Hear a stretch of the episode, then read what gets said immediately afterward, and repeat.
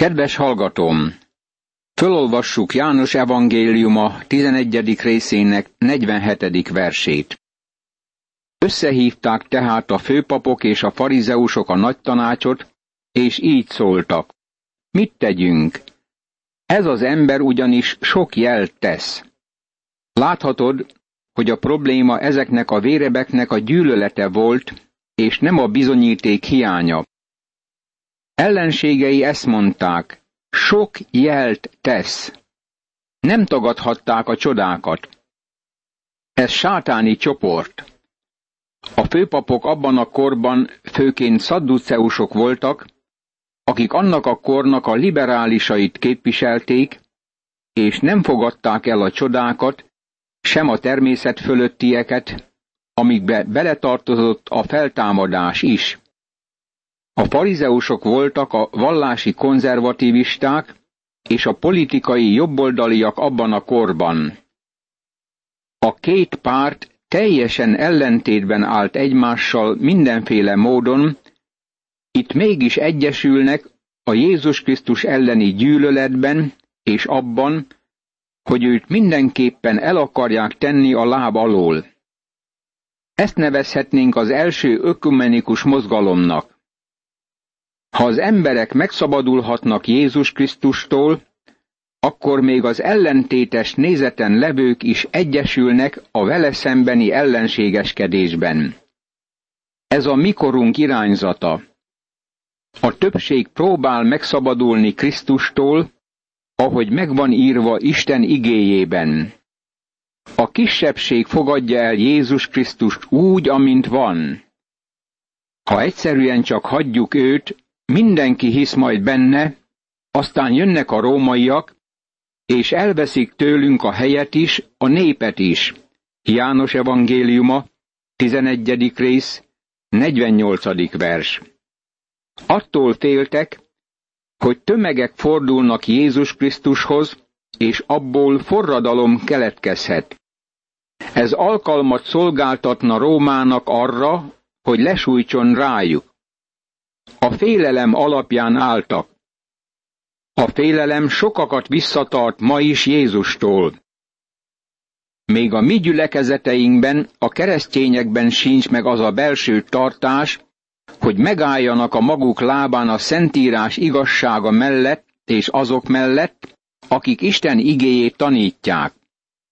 Egyikük pedig, Kajafás, aki főpap volt abban az esztendőben, ezt mondta nekik. Ti nem értetek semmit.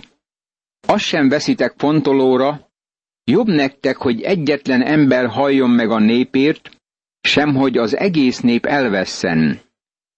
Mindezt pedig nem magától mondta, hanem mivel főpap volt abban az esztendőben, megjövendölte, hogy Jézus meg fog halni a népért, és nem is csak a népért, hanem azért is, hogy Isten szétszóródott gyermekeit egybegyűjtse.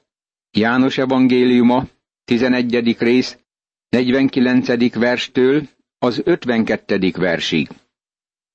Kezdik racionálni a helyzetet, és azt mondogatják, hogy inkább Jézusnak kell meghalnia, mint a nemzetnek Róma bosszúja miatt. Érdekes megfigyelnünk, hogy jól lehet nem sikerült Jézust megölniük, ennek ellenére a nép elveszett, amikor Titus elpusztította Krisztus után hetvenben. Itt egy különös tényel találkozunk. Kajafás pontosan jövendőlt, mert ő volt a főpap abban az évben. Kajapás rabasz politikus volt, és később találkozunk apósával, Annással, aki szintén aljas gazember volt, és ő volt a trón mögötti hatalom. Nehogy becsapjon minket az, mintha meglett volna Kajafásnak a profétálás ajándéka. Az ószövetségi Bálámhoz hasonlóan ez a gazember is tudott igazi proféciát mondani. Attól a naptól fogva egyetértettek abban, hogy megölik őt. Jézus tehát nem járt többé nyilvánosan a zsidók között, hanem elment onnan a pusztához közeli vidékre, egy Efraim nevű városba, és ott tartózkodott a tanítványaival. János evangéliuma, 11. rész, 53. és 54. vers. Ez a vég kezdete. Nyilvánosan próbálják halálba küldeni Jézust, és nyíltan ellenségesek vele szemben. Nem tudjuk pontosan, hol van Efraim városa. Valószínűleg valahol egy távoli vidéken lehetett. Közeledett a zsidók húsvétja, és vidékről sokan felmentek Jeruzsálembe húsvét előtt, hogy megtisztuljanak. Keresték Jézust, és a templomban megállva így tanakodtak egymás között. Mit gondoltok? Lehet, hogy el sem jön az ünnepre? A főpapok és a farizeusok pedig már kiadták a parancsot, hogyha valaki megtudja, hogy hol van, jelentse be, hogy elfoghassák. János evangéliuma, 11. rész, 55., 56. és 57. vers. A tömeg Jeruzsálembe ment, hogy megtisztítsa magát a Páska ünnepe előtt. Amint végigmennek a végtelen szertartásokon, és egymáshoz dörzsölik a vállukat, beszélgetnek és véleményt cserélnek Jézussal kapcsolatban. Kíváncsiak, hogy vajon Jézus fölmegye az ünnepre ebben az évben. Tudják, hogy a Sanhedrin keresi Jézust. Láthatjuk, hogy ha nem hisznek Mózesnek, akkor nem hisznek még annak sem, aki feltámad a halálból. Ennél a pontnál János evangéliuma elérkezett a törési ponthoz. Közeledünk az Úr Jézus Krisztus földi életének utolsó hetéhez. János evangéliuma 12. fejezeténél Jézussal együtt elmegyünk egy otthonba, Lázár, Mária és Márta betániai lakásába. János evangéliumában Jézus a galileai Kánában kezdte nyilvános szolgálatát, és nyilvános szolgálatát ennél az otthonnál tett látogatásával végzi. A házasságon Isten áldása van. Most ezt a szép képet látjuk magunk előtt. Jézus tehát hat nappal húsvét előtt elment Betániába, ahol Lázár élt, akit feltámasztott a halottak közül. Vacsorát készítettek ott neki, s Márta szolgált fel, Lázár pedig a Jézussal együtt ülők között volt. Mária ekkor elővett egy font drága valódi nárduskenetet, megkente Jézus lábát, és hajával törölte meg, a ház pedig megtelt a kenet illatával. János evangéliuma, 12. rész, első, második és harmadik vers. Jeruzsálemben gonosz tervet készítenek ellene, és halálára áhítoznak, de itt Betániában barátai vacsorát készítenek. A kereszt árnyékában, akik szerették őt, étket készítettek neki. Most tanulmányozzuk-e vacsora részleteit. Lázár, akit feltámasztott Jézus a halálból, Krisztussal való közösségben él. Jézus ezt mondta. Én vagyok a feltámadás és az élet. Aki hisz én bennem, ha meghal is, él. János evangéliuma, 11. rész, 25. vers. Ez igaz volt Lázárra nézve fizikai értelemben. Feltámadt a halálból. Igaz rólad és rólam lelki értelemben. Holtak voltunk bűneinkben és védkeinkben. Nem ismertük őt, és nem voltunk vele közösségben. Ezért nekünk ezt mondja és aki él és hisz én bennem, az nem hal meg soha.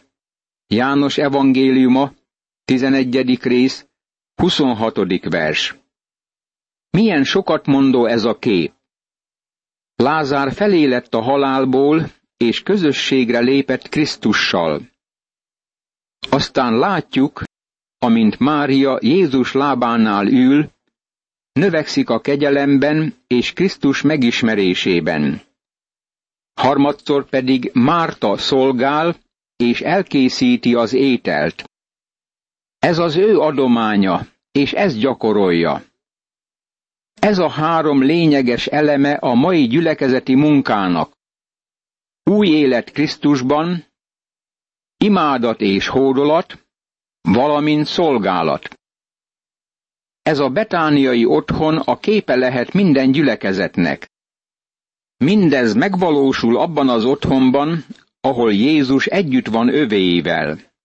Amint tudod, a gyülekezet egy otthonban kezdődött el. Talán otthonban is fog véget érni.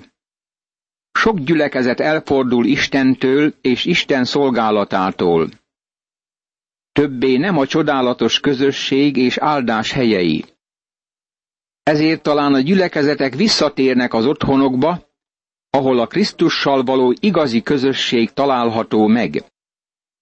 Most figyeljük meg a hódolatot és imádatot, a kibeszélhetetlen vonzódást Mária részéről. Megkeni Jézus lábát drágakenettel, és megtörli a hajával. Egyesek azt gondolják, hogy ez ugyanaz a történet, mint az, amely szerint egy bűnös asszony megmosta Jézus lábát. Pedig itt egészen más szeméről van szó. Csak azt található meg mindkét esetben, hogy megtörölték Jézus lábát a hajukkal. A drága kenet illata betöltötte a házat csodálatos módon. Tanítványai közül az egyik, Júdás Iskáriótes, aki el akarta őt árulni, így szólt. Miért nem adták el inkább ezt a kenetet háromszáz dénárért, és miért nem juttatták az árát a szegényeknek? De nem azért mondta ezt, mintha a szegényekre lett volna gondja, hanem azért, mert tolvaj volt, és a nála levő erszényből elszedegette, amit beletettek. János evangéliuma, 12. rész, 4., 5.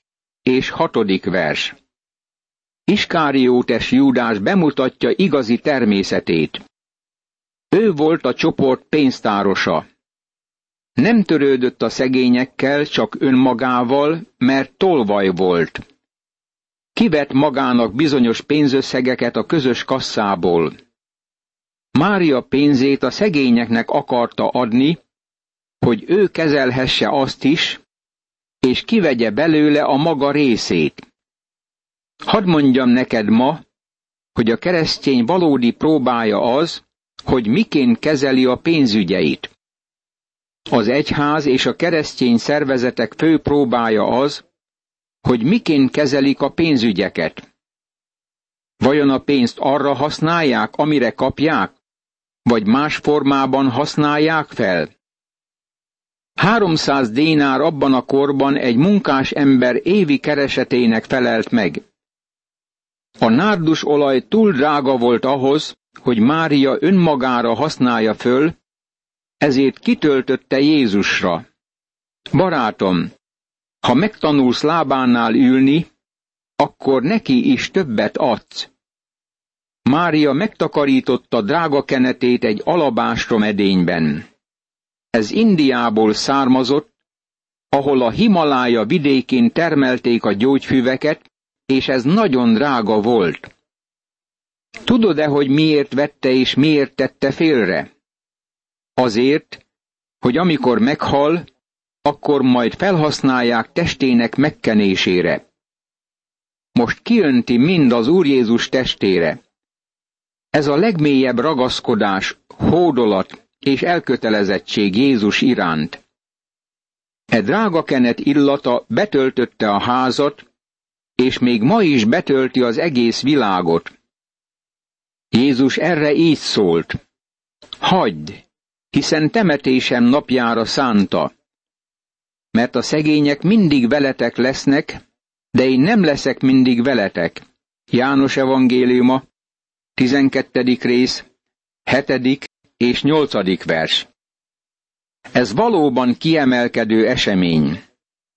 Az úr kinyilatkoztatja, hogy ez az asszony megkente őt az ő temetésére. Érezte, hogy meg kell halnia a világ bűneiért. Ezért fölkészítette a temetésre már jó előre. Máté evangélista följegyzi, hogy Jézus azt mondta, hogy ahol csak prédikálják az evangéliumot, ezt az eseményt is elmondják. Ez így van. Még ma is betölti ez a különös illat az egész világot. Milyen ellentétet találunk itt közte és Iskáriótes Júdás között? Itt találkozik a sötétség és a világosság. Júdás a sötétség, és Mária a világosság képviselője. Ezt magunkra vonatkoztathatjuk ebben az időben. Jézus mondja, hogy mindig lesznek velünk szegények, de ő nem marad mindig velünk. Ezzel nem mond ellent azzal a nyilatkozatával, hogy mindig velünk marad, és sohasem hagy el minket. Itt azt mondja, hogy mindig szolgálhatunk a szegényeknek, mert velünk lesznek. De ez nem lehet pótléka annak, hogy leülünk az Úr Jézus lába mellett. Ő eljön egy napon, amikor túl késő lesz arra, hogy átvegyük, amit nekünk készített. Nagyon sokan fiatal korukban nem hallottak Biblia magyarázatot. Barátom, időben kell tanulnunk tőle. Ne alkalmazd a tevékenységet ahelyett, hogy leül az Úr Jézus lába mellett. Nagyon sokan megtudták a zsidók közül, hogy ő ott van, és oda mentek. Nem csak Jézus miatt, hanem azért is, hogy lássák Lázárt, akit feltámasztott a halottak közül. A főpapok pedig elhatározták, hogy Lázárt is megölik, mert a zsidók közül sokan miatta mentek oda, és hittek Jézusban. János evangéliuma, 12. rész, 9., 10. és 11. vers. Ezek az emberek szenzációt kerestek. A főpapok el akarták tenni az útból Lázárt.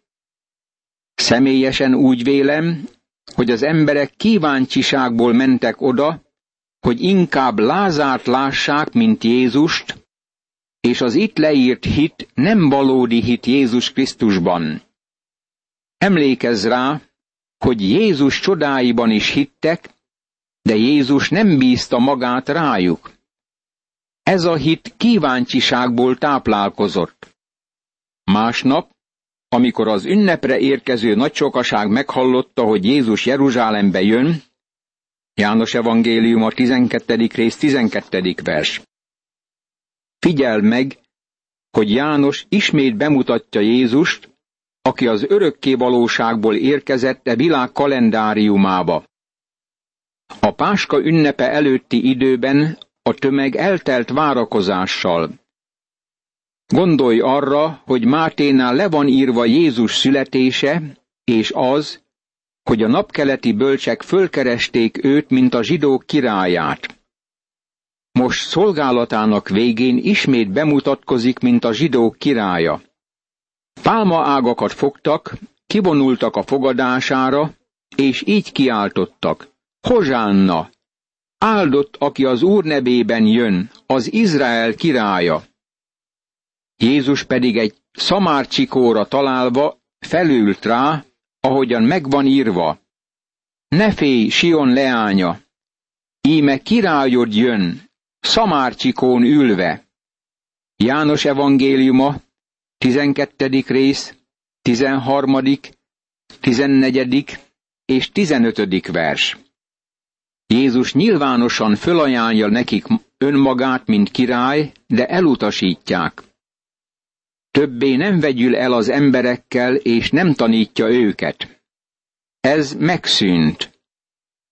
Most már arra törekszik, hogy beteljesítse a proféciákat. Fölajánlja magát a népnek, de ez nem igazán diadalmas bevonulás. Csendesen vonult be a lyukapunát nyilvános szolgálata alatt, és igyekezett visszavonulni a tömegektől. Most, amikor nyilvános szolgálata befejeződik, a legnyilvánosabban lép akcióba. Kilép a közönség elé és bemutatkozik.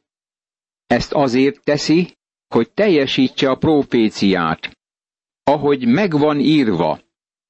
Bevonul Jeruzsálembe, hogy eleget tegyen Isten igéjének, és kövesse Isten akaratát. János nagyon rövid beszámolót ad nekünk Jézus bevonulásáról, de azt mondja, hogy ezzel teljesül a Zakariás könyve kilencedik részében, a kilencedik versben megírt jövendőlés. Örvenj nagyon, Sion leánya! Újjong, Jeruzsálem leánya! Királyod érkezik hozzád, aki igaz és diadalmas, alázatos és szamáron ül, szamárcsikó hátán. Jézus bemutatkozik nyilvánosan Jeruzsálemben, mint mesiás. Újonganak körülötte. Hozsánna, áldott Izrael királya, aki jön az Úr nevében. Mit tesznek királyukkal? Keresztre feszítik. Tanítványai először nem értették mindezt, de miután Jézus megdicsőült, visszaemlékeztek arra, hogy az történt vele, ami meg volt írva róla. János evangéliuma, 12. rész, 16. vers. János ezt jó néhány évvel később írja le, és elismeri, hogy nem értette meg, hogy Jézus mit cselekedett azon a napon. Valószínűleg megkérdezte Jakabot, Pétert és Andrást, és ők sem értették. Mária volt az egyetlen, aki azonosult vele halálában. A többiek nem fogták föl ezt, amíg meg nem halt és föl nem támadt. Miután Jézus megdicsőült, visszaemlékeztek arra, hogy az történt vele, ami meg volt írva róla. Imádkozzunk! Kegyelmes Istenem, csodállak téged abban, hogy megjövendőlöd a jövőt, és az szóról szóra úgy teljesül be, ahogy előre megmondtad. Itt Jézus Krisztus bevonulásának történetében látom ugyanezt az igazságot. Add, hogy erre is alapozva higgyem el, hogy szavad igazság, és minden jövendőlésed beteljesül. Ámen.